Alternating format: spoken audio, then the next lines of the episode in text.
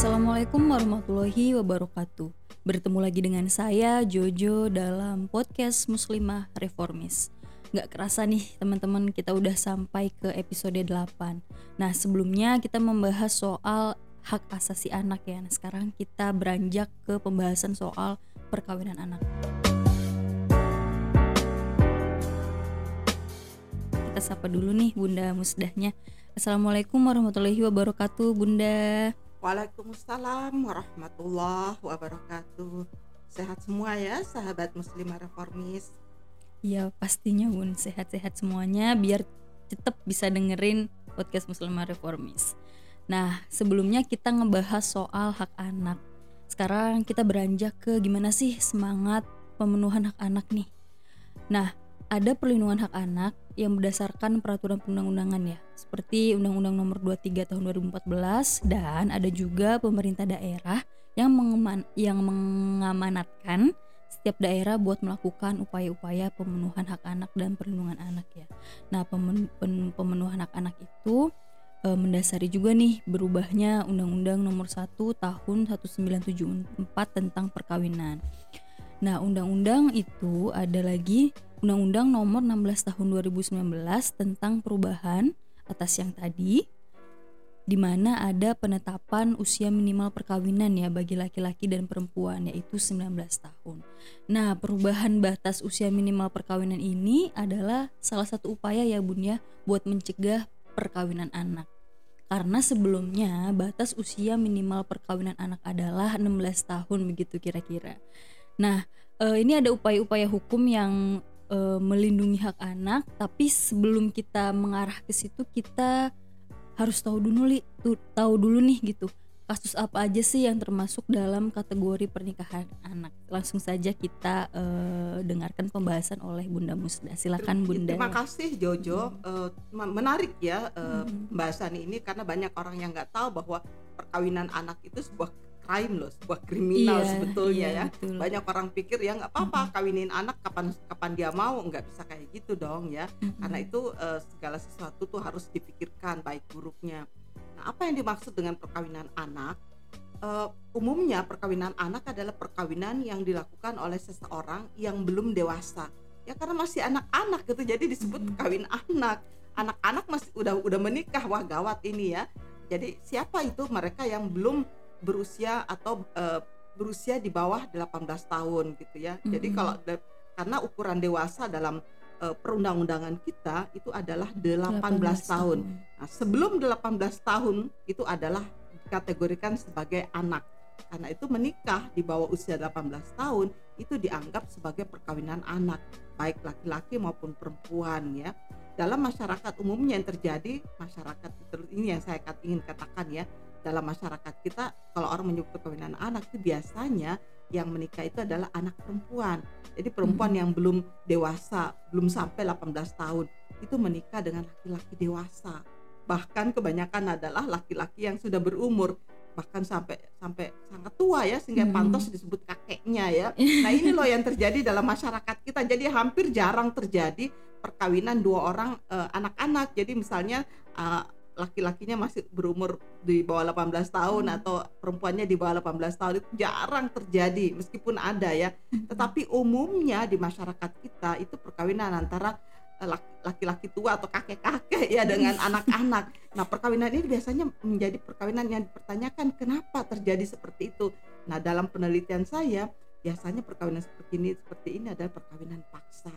Nah, eh, dan ini adalah bagian dari apa yang disebut dengan uh, apa namanya uh, kasus-kasus trafficking oh, iya. jualan manusia. Nah, uh, dalam banyak uh, kasus yang saya baca itu biasanya orang tua mengawinkan anak-anak itu karena ya terlilit hutang, kayak Siti Nurbaya ya, ya karena kemiskinan, mm -hmm. ya karena uh, menganggap anak itu sebagai uh, apa namanya investasi, investasi. keluarga. Jadi hmm. dikawinkan cepat supaya bisa cari uang atau bisa dapat harta dari suaminya atau banyak eh, kasus-kasus uh, yang lain. Hmm. atau juga ini juga terjadi di dalam masyarakat kita. Kalau anak-anak itu uh, mengalami di masyarakat kita disebut kecelakaan. Padahal bukan kecelakaannya itu sih buat saya ya satu kondisi yang di mana anak itu sebenarnya enggak solusinya bukan untuk dikawinkan. Hmm. misalnya melang, uh, hamil di luar uh, apa ya di di luar pernikahan atau kehamilan yang tak diinginkan misalnya masih sekolah terus dia terlibat pergaulan bebas misalnya. Tapi kenapa mesti anak perempuan yang dinikahkan ya? Anak laki-lakinya biasanya enggak kan? Padahal kan anak laki-lakinya kan menghamili dua-duanya yeah. mestinya kena hukuman. Tapi sebaiknya hukumannya itu bukan dengan mengawinkan dia karena kalau mengawinkan dia belum tentu menjadi solusi loh dalam banyak kasus saya melihat anak-anak yang dikawinkan karena hamil duluan itu biasanya ya nggak lama setelah itu dia akan dia akan bercerai, iya, bercerai dan tidak ada gunanya gitu ya. Hmm. Jadi lebih baik ya bukannya kita setuju pada anak-anak yang menikah atau yang hamil sebelum menikah, tetapi anak-anak itu sebetulnya bisa di apa ya di um, diedukasi dan didampingi karena anak itu memerlukan pendampingan. Ya, ya sebuah kecelakaan misalnya ya bukan berarti itu sudah kiamat ya. Bukan hmm. berarti saya setuju, tetapi bagaimana kita melindungi atau mendampingi anak-anak perempuan kita bukan dengan uh, mengawinkan dia, tetapi bagaimana kita mendampingi dia agar dia dapat melalui masa-masa kritis dalam hidupnya itu dengan cara yang lebih baik lagi. Iya. Jadi gitu ya Bun ya. Eh, kadang-kadang anak-anak perempuan ini suka dikorbankan dalam tanda kutip ya Bun. Ya? Iya betul, hmm. karena selalu dianggap sebagai uh, apa namanya um, masyarakat nomor dua gitu ya. Iya masyarakat iya manusia sanglian gitu bun. Iya kasihan kan, jadi nggak nggak boleh seperti itulah. Karena tentu saja kalau anak perempuan kita hamil pasti ada yang menghamili kan nah, iya. anak laki-lakinya kok tidak di, tidak di uh, apa tidak Salah. diberikan uh, sanksi yang ketat mm -hmm. juga secara moral maupun secara sosial sehingga dua-duanya menjalani ke apa ya penghukuman sosial secara uh, apa ya secara uh, bersama begitu tetapi tidak berarti mereka harus dikawinkan karena perkawinan itu sendiri bukanlah solusi ya bagi anak-anak yang mengalami hal-hal uh, tersebut.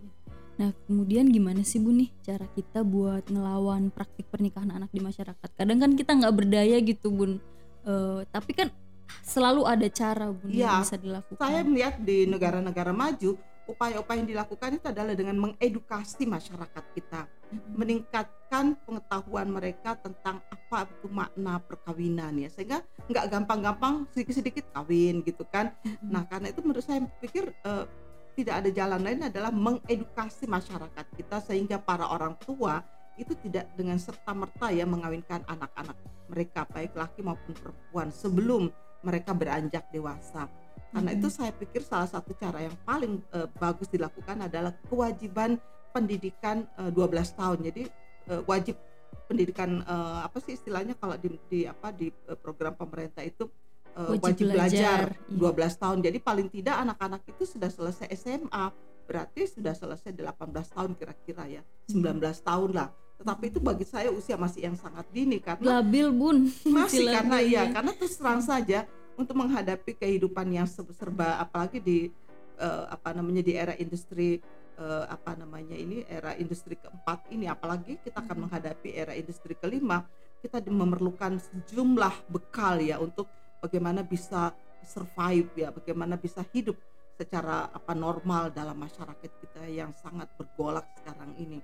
Karena itu kita membutuhkan banyak sekali uh, apa bekal-bekal bukan hanya bekal material, tetapi juga bekal uh, moral dan spiritualitas sehingga kita memerlukan uh, usia yang lebih panjang untuk dapat uh, membentuk sebuah rumah tangga karena itu kalau dalam tulisan-tulisan saya saya menyarankan usia 21 tahun deh buat anak laki maupun anak perempuan hmm. untuk uh, dikatakan sebuah usia yang ideal ya untuk uh, masuk dalam perkawinan.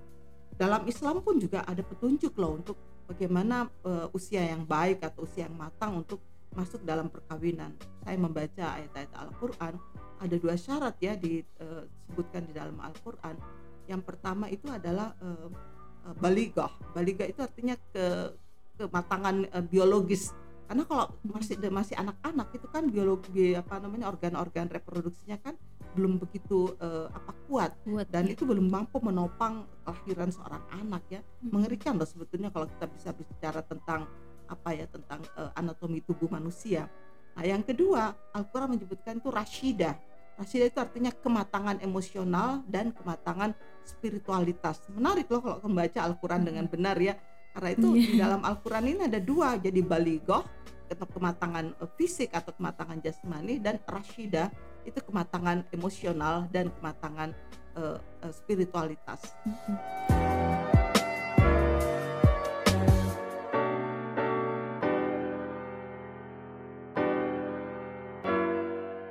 Soalnya gini bun kalau fisiknya belum siap itu nanti akan berdampak ke angka kematian ibu dan anak ya bun ya. Betul angka jadi kematian uh, bayi kesehatan juga. reproduksi gitu Mm-mm. kan yang menyebabkan uh, tingginya angka kematian ibu melahirkan. Apa Mm-mm. artinya? Seorang ibu yang melahirkan itu meninggal. Kenapa? Karena berbagai komplikasi yang dialami. Akibat uh, pertama uh, biasanya organ-organ reproduksinya belum begitu kuat Nah, di situ kemudian dia mengalami uh, banyak uh, apa ya kasus-kasus komplikasi, kurang darah lah, apa segala macam. Ya, tidak tidak siap secara fisik maupun mental ya dan ini banyak sekali kasus. Karena itu Indonesia termasuk salah satu negara di mana angka kematian ibu melahirkannya itu tinggi sekali loh, mengerikan sebetulnya. Dan Iya. se- selama 20 tahun ini nggak mengalami perbaikan. Saya juga kadang-kadang heran ya, Berarti- ke mana nih pemerintah kita kok belum bisa ya me- menyelesaikan ya persoalan-persoalan em, tingginya angka kematian ibu melahirkan ini mengerikan juga Iya. berarti artinya negara belum hadir ya mungkin juga sudah hadir tetapi upayanya belum ma- belum maksimal dan juga edukasi Mm-mm. terhadap masyarakat kita nih yang kurang ya Mm-mm. ya proses-proses ap- apa ya edukasi dalam masyarakat kita untuk mengerti pentingnya kesehatan hak dan kesehatan reproduksi itu masih belum dipahami secara eh, apa secara eh, global atau secara eh, umum ya dalam masyarakat kita. Masih banyak orang yang nggak ngerti apa itu kesehatan reproduksi ya apa itu pentingnya menjaga eh, apa kesehatan reproduksi itu masih banyak yang belum ngerti. Cakupannya luas banget lagi ya bun. Ya mengerikan. Mm-mm. jadi gini bun kan tadi tuh ada soal peran negara tapi kita juga ternyata masyarakat belum teredukasi. Ada satu jembatan mungkin yang bisa kita pakai bun media sosial ya bun ya nah apa sih sebenarnya yang bisa kita lakukan gitu bun sebagai generasi muda buat melawan narasi pernikahan anak di media sosial? Karena nih bun kita itu sekarang lagi gencar banget yang namanya nikah muda gitu. Nah itu dia. Nah iya. Uh, ada juga sih yang masalahnya nih di masyarakat kita ada kampanye nih indahnya kawin dini. Waduh, itu sih benar-benar yang menyesatkan ya. Dan itu dianggap sebagai sebuah uh, apa sebuah sebuah uh, bentuk uh, solusi untuk mengikuti syariat ya. Wah, ini benar-benar kacau ya menurut saya. Aduh, mari deh kita semuanya belajar agama secara benar karena itu penguatan literasi agama ini penting. Mm-mm. Nah, bagi saya nih paling tidak nih ada eh, ada sesuatu yang harus dilakukan oleh kalangan milenial ya, kalangan muda dengan menggunakan medsos ya untuk bagaimana mengkampanyekan lima paling tidak ya, paling tidak lima dampak buruk perkawinan anak nih, Mm-mm. Jojo. Oke, Ya, ada dampaknya tuh ada ada banyak sekali, tetapi paling tidak lima dampak buruk perkawinan anak ini perlu disebarluaskan nih. Nih Mm-mm. kalian nih para milenial nih kalau bikin status bikinlah ya hal seperti ini. Jadi saling mengingatkan gitu Jangan kan. galau terus ya bun ya. Iya, jadi daripada kalian bikin status yang gak jelas, mending bikin status yang edukatif kan sambil mencerahkan sesama. Kalau Mm-mm. masyarakat kita terutama kalangan milenial itu sudah tercerahkan ya pasti pasti mereka kalau ditanya, "Ayo menikah." Eh, tunggu dulu. Hari gini mau menikah anak. Jadi masa sih anak apa anak nanti kalau nanti nggak menikah punya anak, anak ngurusin anak. Waduh, nggak bener banget ya. Jadi di masyarakat kita banyak loh anak ngurusin anak. Kenapa disebut begitu? Karena orang tuanya sendiri masih, Masih dalam anak-anak. usia anak gitu, udah ngurusin anak. Gimana anaknya mau Hmm. bener kan? Wong dia sendiri belum bisa ngurusin dirinya sendiri, apalagi Hmm. ngurusin anaknya ya enggak? Iya. Karena itu mengerikan loh. Karena itu marilah kita betul-betul menjadi orang yang eh, matang secara fisik, matang secara emosional, matang secara spiritualitas dengan mengkampanyekan apa saja, apa saja sih lima dampak buruk perkawinan anak. Tidak harus lima ya, banyak, sih. banyak Tetapi banget bun. Ta- tapi ini paling Hmm. tidak inilah yang yang yang prioritas ya. Iya. Pertama, perkawinan anak itu merupakan penyebab dari tingginya angka perceraian di masyarakat. Nah, ingat ya, jadi Mm-mm. banyak sekali angka perceraian di masyarakat itu sudah merupakan sesuatu yang menakutkan ya. Kenapa mereka bercerai? Karena keduanya kan masih labil.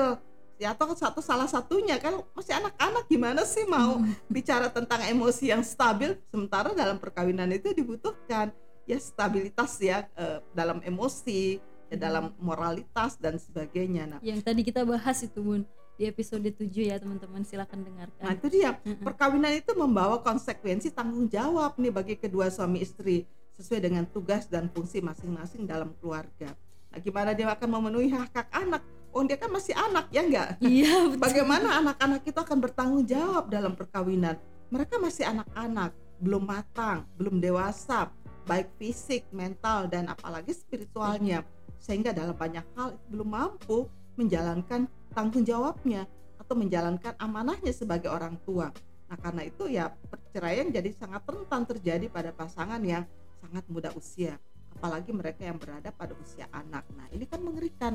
Nah, kehidupan keluarga menuntut adanya peran dan tanggung jawab yang besar bagi kedua pasangan, baik laki-laki maupun perempuan. Nah, itu satu ya.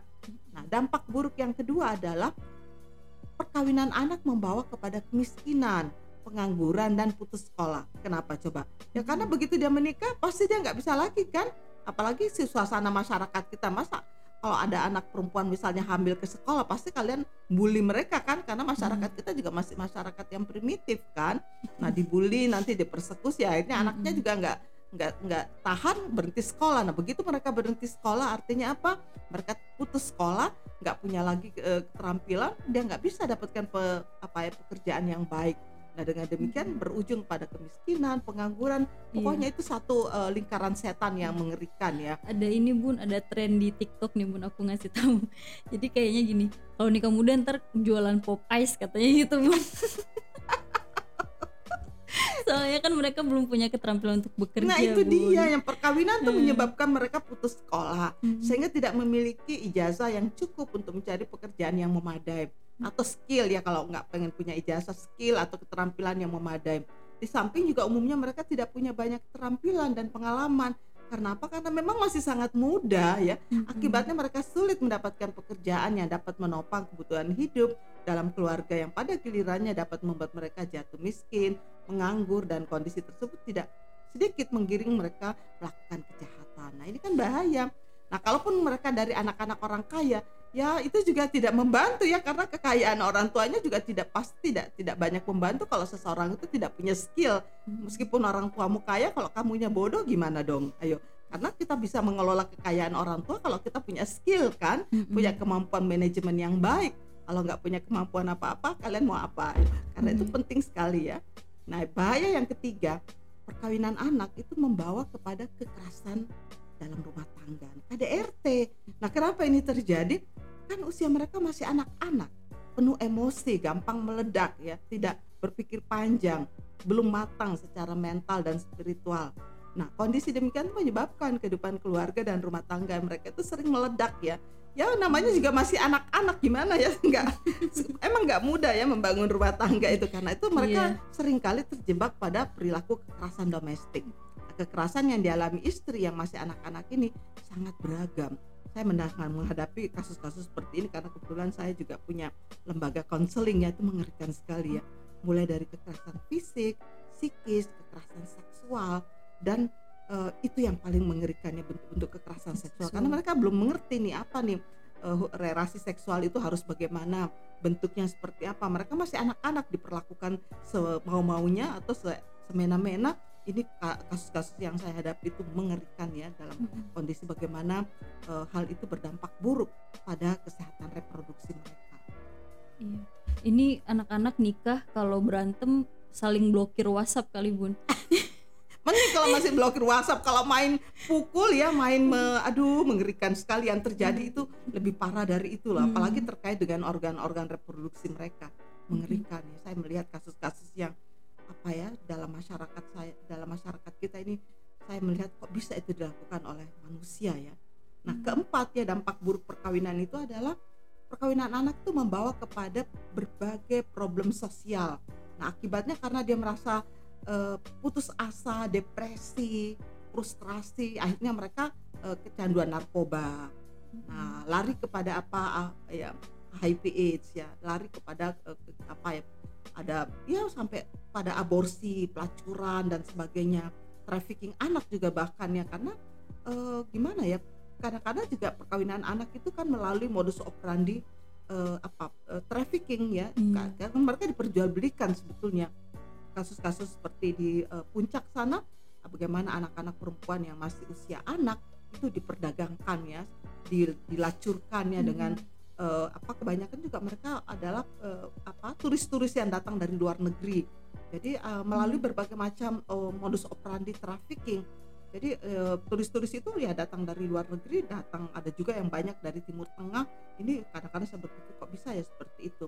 Nah, kekerasan seksual dan penyakit kelamin lain ya yang dapat menular melalui hubungan seks ya terutama uh, berbentuk uh, penyakit HIV/AIDS yang membawa pengaruh yang dapat merusak kesehatan anak-anak, terutama anak perempuan lebih rentan daripada anak laki-laki. Kenapa? Karena organ-organ reproduksi perempuan itu berbeda dengan organ-organ reproduksi laki.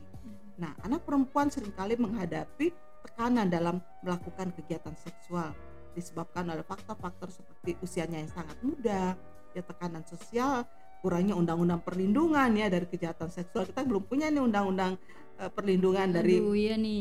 kejahatan nih? seksual. Nah, tidak heran anak perempuan tuh jadi lebih rentan terhadap berbagai kekerasan, terutama kekerasan seksual termasuk pemerkosaan, ya pelecehan seksual, ya penjualan organ-organ dan jaringan tubuh mereka. Aduh mengerikan ini dan menghadapi berbagai bentuk uh, uh, penyiksaan ya secara hmm. seksual. Nah, mengerikan banget ya. Yang kelima, nah ini yang uh, saya pikir yang terakhir, tapi meskipun banyak contoh yang lain, tapi paling tidak ada lima dampak buruk perkawinan anak ya. Nah, perkawinan anak itu membawa kepada berbagai problem kesehatan reproduksi, tingginya angka kematian ibu melahirkan tadi sudah dibicarakan panjang lebar ya, terutama disebabkan karena kehamilan pada usia yang sangat muda, ya itu mengerikan ya buat kesehatan reproduksi kita. Nah, karena itu kehamilan pada usia anak itu sangat berisiko loh karena organ-organ reproduksi perempuan itu belum siap melakukan fungsinya secara optimal. Banyak eh, kejadian-kejadian yang uh, saya pikir ya secara apa medis ini perlu loh di apa ya dipelajari atau disampaikan kepada anak-anak perempuan bahwa uh, mereka mengalami banyak sekali komplikasi dengan organ-organ reproduksinya karena melahirkan atau hamil pada usia yang sangat muda. Nah, melahirkan pada usia muda juga merupakan persoalan besar ya meningkatkan uh, apa ya uh, rentannya uh, kematian ya ketika melahirkan. Karena itu saya melihat bahwa uh, apa ya sebaiknya nih perkawinan itu memang dilakukan ada banyak penelitian yang mengungkapkan rata-rata usia ideal ya perempuan untuk menikah itu adalah e, 21 tahun ya baik perempuan maupun laki-laki. Karena apa? Pada usia itulah dicatat adanya kematangan usia kematangan e, fisik ekonomi sosial mental dan juga spiritualitas ya. Kenapa ini penting? Karena perkawinan membutuhkan kedewasaan dan kematangan yang bukan hanya bersifat biologis, melainkan juga kematangan psikologis, kematangan sosial, kematangan mental, dan kematangan spiritualitas. Iya. Oke, jadi banyak banget itu, tapi yang perlu kita gaungkan itu lima dampaknya, lima Betul. dampak buruk. Jadi teman-teman bisa catat dan share di media sosialnya dampak buruk perkawinan anak. Yang pertama ada angka perceraian yang semakin tinggi nantinya, yang kedua ada kemiskinan yang akan berujung ke kejahatan, lalu kasus-kasus KDRT, kemudian nanti menjadi problem sosial dan banyak banget kasus uh, kesehatan reproduksi. Nanti soal kesehatan reproduksi bisa kita bahas di podcast selanjutnya ya.